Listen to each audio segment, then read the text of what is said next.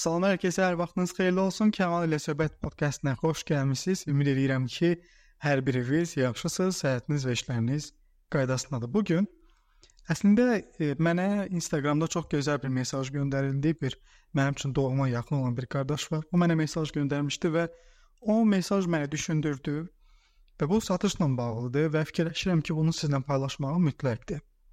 Deməli, hekayə bundan ibarətdir.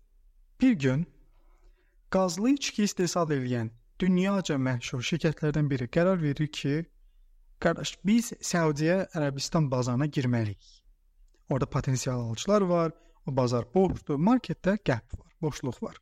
Nəsə buna qərar verirlər və ən güclü satış və marketinq adamları ora göndərilir. Adam gedir ora bir müddət yaşayır, insanların içində olur, onlarla vaxt sərf edir və strategiyanı hazırlayır. Qayıdır ölkəyə və xəbər edir ki, buradakı insanların oxuma və yazma qabiliyyəti bir o qədər də yaxşı deyil və əlbəttə ki, yeri gəlmişkən bazar potensial bazardır. Burada qəşəng satış eləmək olar. Problem ondan ibarət ki, insanlar yazıb oxumağı bacarmırlar o qədər də. Yəni bunu bacaran insanlar faiz etibarilə çox azdır. Və biz bu satışı yalnız billboardlar vasitəsilə həyata keçirə bilərik. Billboard da o e, məsəl üçün yəqin siz yol qırağında görürsünüzsə, avtobusda, taksisinə gedəndə yolun qırağında billboardlar qoyurlar, böyük şəkillər qoyurlar, nəyisə reklam eləməyə çalışırlar. Bu adama gəlir rəhbərliyə deyir ki, bunu yeganə yolu orada billboard qoymaqdır və billboard ardıcıllığını başlayır izah eləməyə. Deyir ki, satışımızın partlamasını istəyiriksə 3 billboardun olması şərtdir. Birinci bil billboardda göstərəcək ki, göstərəcəyik ki, daha doğrusu ərəblərdən biri, yəni Səudiyyə Ərəbistan vətəndaşı sürünür, susuzluqdan bir tərdir. Bu birinci billboarddur. İkinci billboard ondan ibarətdir ki, bu həmin ərəb, həmin vətəndaş bu qazlı içkini götürür və içir. Üçüncü billboard ondan ibarət ki, artıq bu xoşbəxt halda sürünə-sürünə deyil də yeriyə-yeriyə normal şəkildə yoluna davam edir. İdeya çox xoşlarına gəlir. Partladacağıq deyirlər əlbəttə ki və gedirlər bu billboardlara qoşurlar. Qısa müddət ərzində ölkədə billboardlar partlayır, yəni hər yerdə bu billboardu qoyurlar.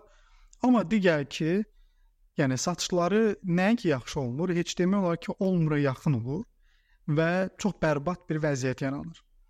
Araşdırırlar, çox cəmir məlum olur ki, əslində ərəblərdə özünüz də bilirsiniz ki, yəni biz normalda soldan sağa yazırıq, elə deyilmi? Ərəblərdə sağdan sola oxunur və sağdan sola da şəkillər analiz olunur. Və billboardların əslində yeri səhv qoyulubmuş. Yəni onlar fikirləşirdilər ki, birinci gələcək sürünən, sonra gələcək ə, sürünən adam içkini götürür, içir. Üçüncü billboardda isə o olacaq ki, bu adam xoşbəxt şəkildə yoluna davam edir. Ərəblər isə bunun tərsini oxuyurlar. Xoşbəxt şəkildə davam edən biri içkini içir və daha sonra sürünməyə başlayır. Ona görə də satışlar getmir. Bu nəyə işarədir ümumiyyətlə? Biz nə qədər satışı yaxşı bilsək də, texnikalarımız yaxşı olsa da, bu əgər insan davranışlarına və alıcının xarakterinə zidd olsa, inanın mənə ki, bu, bunun bir faydası olmur. Yəni siz çox gözəl danışa bilərsiniz. Çox gözəl texnikalarınız ola bilər, amma siz gəlib hansısa rayondan və yaxud da hansısa bir ucqar kənddən olan sahibkarın qarşısında mədəni-mədəni danışsaz, inan mənə ki, o adam nə ki sizdən almayacaq, heç sizə qulaq asan deyil. Siz artıq başqa təbəqədə özünüzü aparırsınız. Söhbət burada üstün və yaxud da aşağı təbəqədən getmir. Yəni onun levelində siz ünsiyyət qurmursunuz, danışmırsınız.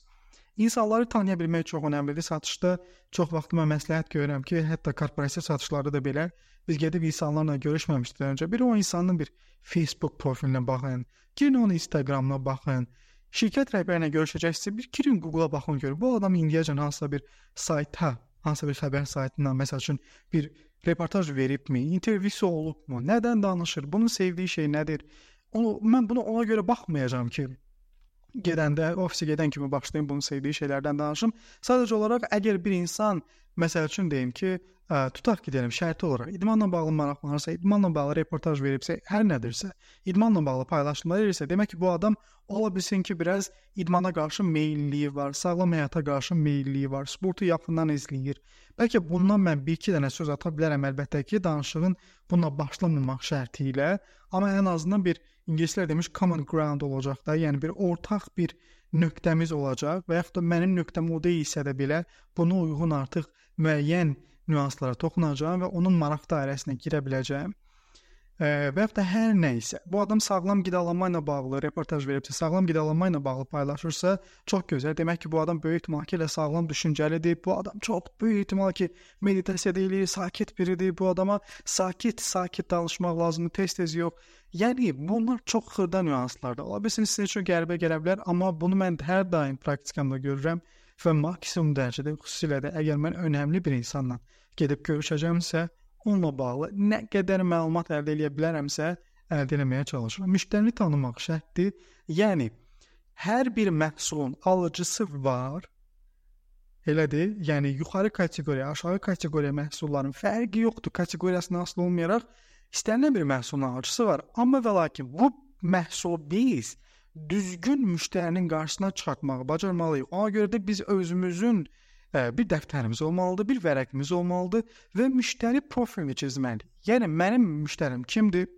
Mənim müştərim şəxsiyyət tipi olaraq kimdir? Xarakteri nədir? Mənim müştərim ən çox harda zaman keçirir? Dəyərləri nədir? Bunu müəyyən eləyəndən sonra elədir. Və buna uyğun artıq mən araşdırmalar eləyəcəm. Mən artıq buna uyğun bir filtrim olacaq. Yəni xəyali bir filtrim olacaq və getdiyim görüşlərdə də insanları bu filtrdən keçirəcəm. Tanımağa çalışacağam insanları. Aydındır? Və bu mənim həyatımı çox asanlaşdıracaq. Məsəl üçün mən də sual verə bilərsiniz. Yəni bu canlı seminar və ya da təlim olsaydı siz mənə sual verərdiniz. Və mənim müştərim kimdir? Mənim müştərim məsəl üçün siz Instagramda heç vaxt görməzsiniz ki, mənim satış təlimimə qoşulmaq üçün müraciət edən birinə mən qiyməti deyəndən sonra o adam desin ki, ya geri dönüş eləməz, ya desin qiymət çox bahalıdır. Mən heç vaxt ona götürüb satış texnikaları ilə bağlı nə nəsə tətbiq etməyə çalışmaram da ki, onu ikna eləyim. Mənə maraqlı deyil o, çünki o çox kiçik satışdır. Kiçik satışla bağlı o cür düşünən insan o kateqoriyaya aid edirəm ki, onu o adam nə istədi və niyə istədiyini özü bilə-bilə, özü e, bu məsələyə ciddi yanaşmır və ciddi yanaşmayan insanlara da mən çox enerji qoymuram.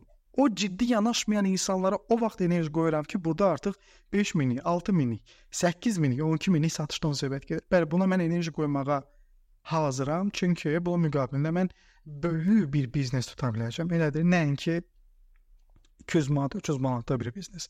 Ona görə də özünüz enerjinizi düzgün sərf etməlisiniz, düzgün insanların qarşısında olmalısınız. İnsanları mütləq və mütləq tanımalısınız və ona uyğun hərəkət etməlisiniz. Siz telefon üzərində danışanda çox ehtimal ki, indi e, aranızda telesales-la məşğul olanlar da var. Telefon üzərində kimsə danışırsa sizlə, o insan sualından artıq kim olduğunu bəlli eləyəcək, səs tonundan bəlli eləyəcək, danışıq tərzindən bəlli eləyəcək ki, bu adam kimdir, nə ilə daha çox maraqlandır, nə buna çox önəmlidir. Bu bunun üçün çox önəmlidir. Instagramda çox nadir hallarda olur ki, kimsə mənə e, məsələn sual verir ki, Kamal bəy, ümumiyyətlə mən satış satış təliminizin silabusu ilə tanış olmaq istəyirdim.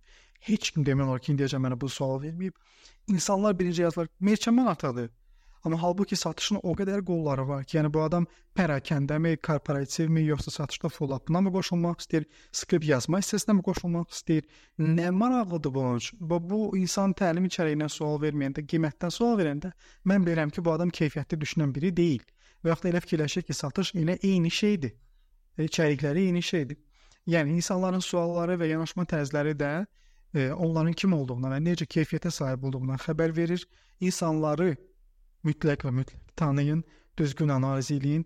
Və hər nəsə bu bir neçə dəqiqə demək olar ki, eyni şeyin üzərində danışırıq, amma o qədər önəmli bir şeydir ki, müştərinin profilini biz öncədən hazırlamasaq, mənim müştərim kimdir və bu müştəri ki var, mənim xəyali portfelimdə canlandırdığım bir e, üzr istəyirəm, profil, canlandırdığım o profil e, var məndə. Həmin o profilə uyğun insandırmı mənim qarşımda olan? Bax onu müəyyən etmək üçün özü öz özlüyümdə bir suallar müəyyən etməliyəm. Ki mən dərhal oturan kimi bir neçə sual verim, artıq mən bilim ki, bu odur ya o deyil və ona uyğun da hərəkət edim. Mən sizə deyim, mənim özümü karyeramda o qədər olub ki, mən gedib görüşmüşəm, bir neçə sualdan sonra mən özüm üçün aydınlaşdırmışam ki, bu adam o deyil. Bununla oturub yarım saat, 45 dəqiqə baş sındırmağa dəyməz.